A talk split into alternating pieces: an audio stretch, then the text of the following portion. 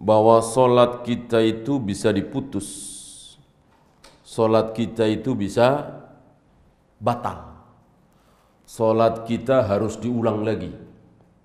Kalau belum berarti ya. Kalau dilewati oleh oleh tiga hal. Ini di luar kencing, kentut, membelakangi Ka'bah, terbuka aurat, terkena najis, itu sudah uh, tahu kita ya. uh, tentang ini banyak sebagian saudara-saudara kita belum tahu bahwa ada tiga hal yang membatalkan sholat kita. Harus kita ulang lagi. Padahal tidak kentut, tidak kencing, tidak terbuka aurat, tidak terkena najis, tidak membelakangi kiblat dan seterusnya. Apa apa tiga hal yang dimaksud? Yang pertama, al-mar'atul haidatu. Wanita yang sudah haid. Berarti wanita dewasa. Jadi kita semua, baik laki dan perempuan, kalau sholat hati-hati. Jangan sampai di depan kita sholat, di tempat sujud kita itu melintas seorang wanita dewasa. Kalau itu terjadi, batalah sholat kita. Kata siapa? Kata Nabi Sallallahu Alaihi Wasallam. Ya, hadis ini sahih riwayat Imam Muslim. Nabi mengatakan yaqta'us salatu yang bisa membatalkan, memutuskan solat itu ada tiga.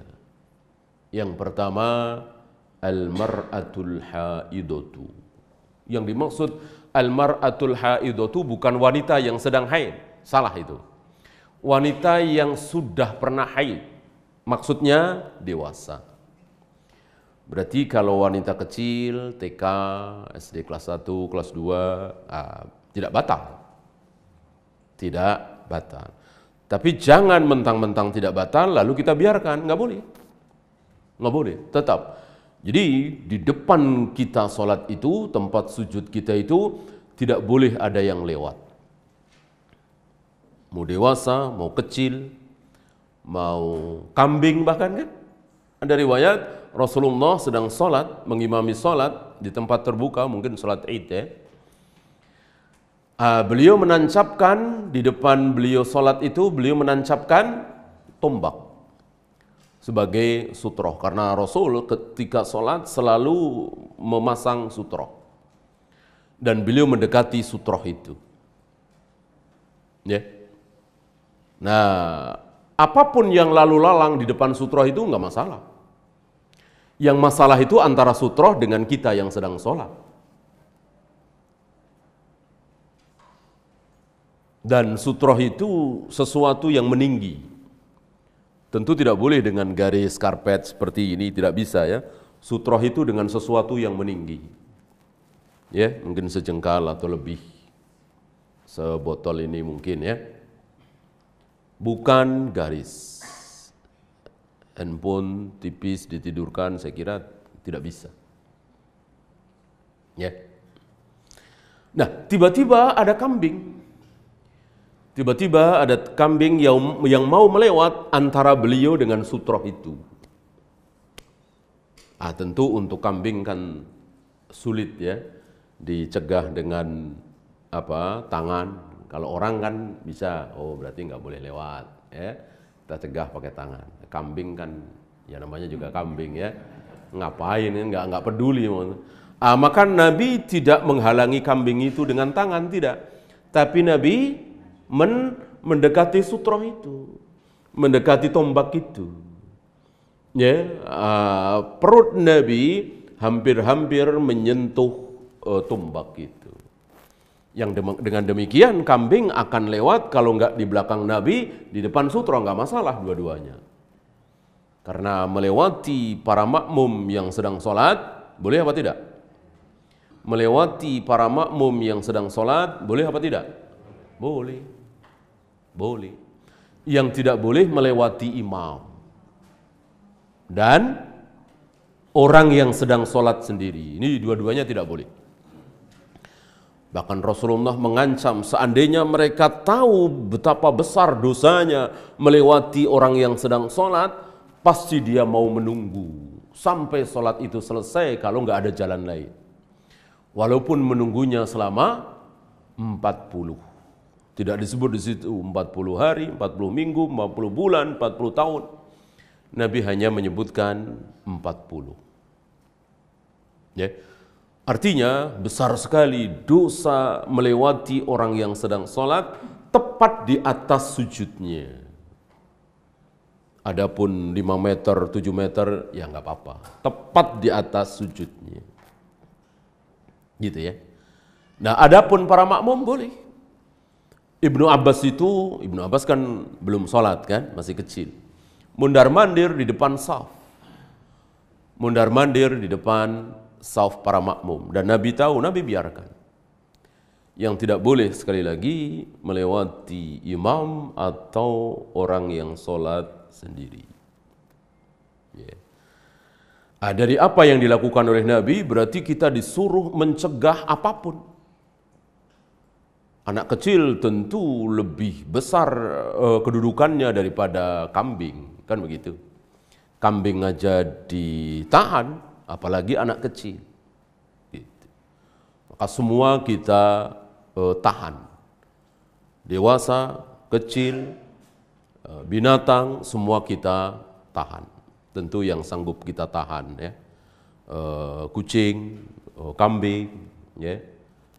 Kalau semut susah kali ya semut ya, nah, semut ya biarin aja. Ya. Yang yang kita bisa tahan, ya. Ini yang pertama. Yang kedua, wal himar. keledai. Keledai. Tidak ada bedanya antara keledai jinak dengan keledai liar. Himar ahliyah. Tidak ada bedanya. Keledai jinak dengan keledai liar eh, bedanya hanya halal dan haram dagingnya. Ya. Kalau keledai jinak haram, kalau keledai liar halal dagingnya. Ya. Karena yang diharamkan oleh Nabi adalah himar ahliyah. Keledai kampung, keledai jinak. Keledai yang tidak liar, itu haram.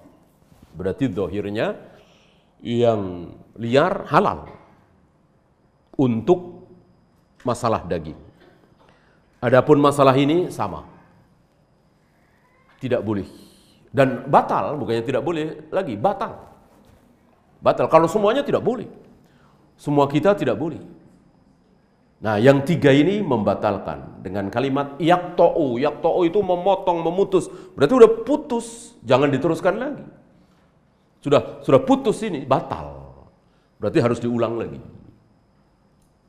Hati-hati ya. Salat di di mana? Eh, di Masjidil Haram. Masjid Nabawi insya Allah aman ya.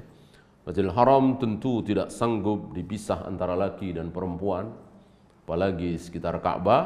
Nah, kalau kita sholat, lalu ada seorang wanita dewasa melewati tepat di depan kita, nah, batal. Batal harus diulang lagi sabda Nabi Wasallam. Ya. Yang terakhir, wal kalbul aswad. Anjing. Anjing apa? Anjing hitam. Anjing hitam. Berarti dohirnya anjing putih anjing merah anjing selain hitam ya nggak masalah. Maksudnya nggak batal. Tetap ditahan tapi nggak batal. Aku bertanya Akunya di sini Abu Dhar, periwayat hadis ini, yang mendengar hadis ini pertama dari Nabi Sallallahu Alaihi Wasallam. Abu Dhar bertanya, Ya Rasulullah, ma balul kalbil aswad minal ahwar wal asfar. Ya Rasul, apa bedanya anjing hitam dengan anjing merah, anjing kuning dan lain-lain? apa bedanya? Kok yang hitam bisa memutus sholat kita? Nabi menjawab, Al-kalbul aswad syaitan.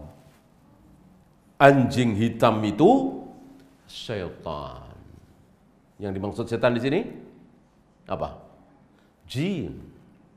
Yang dimaksud setan di sini jin. Ya. Bukan manusia, jin.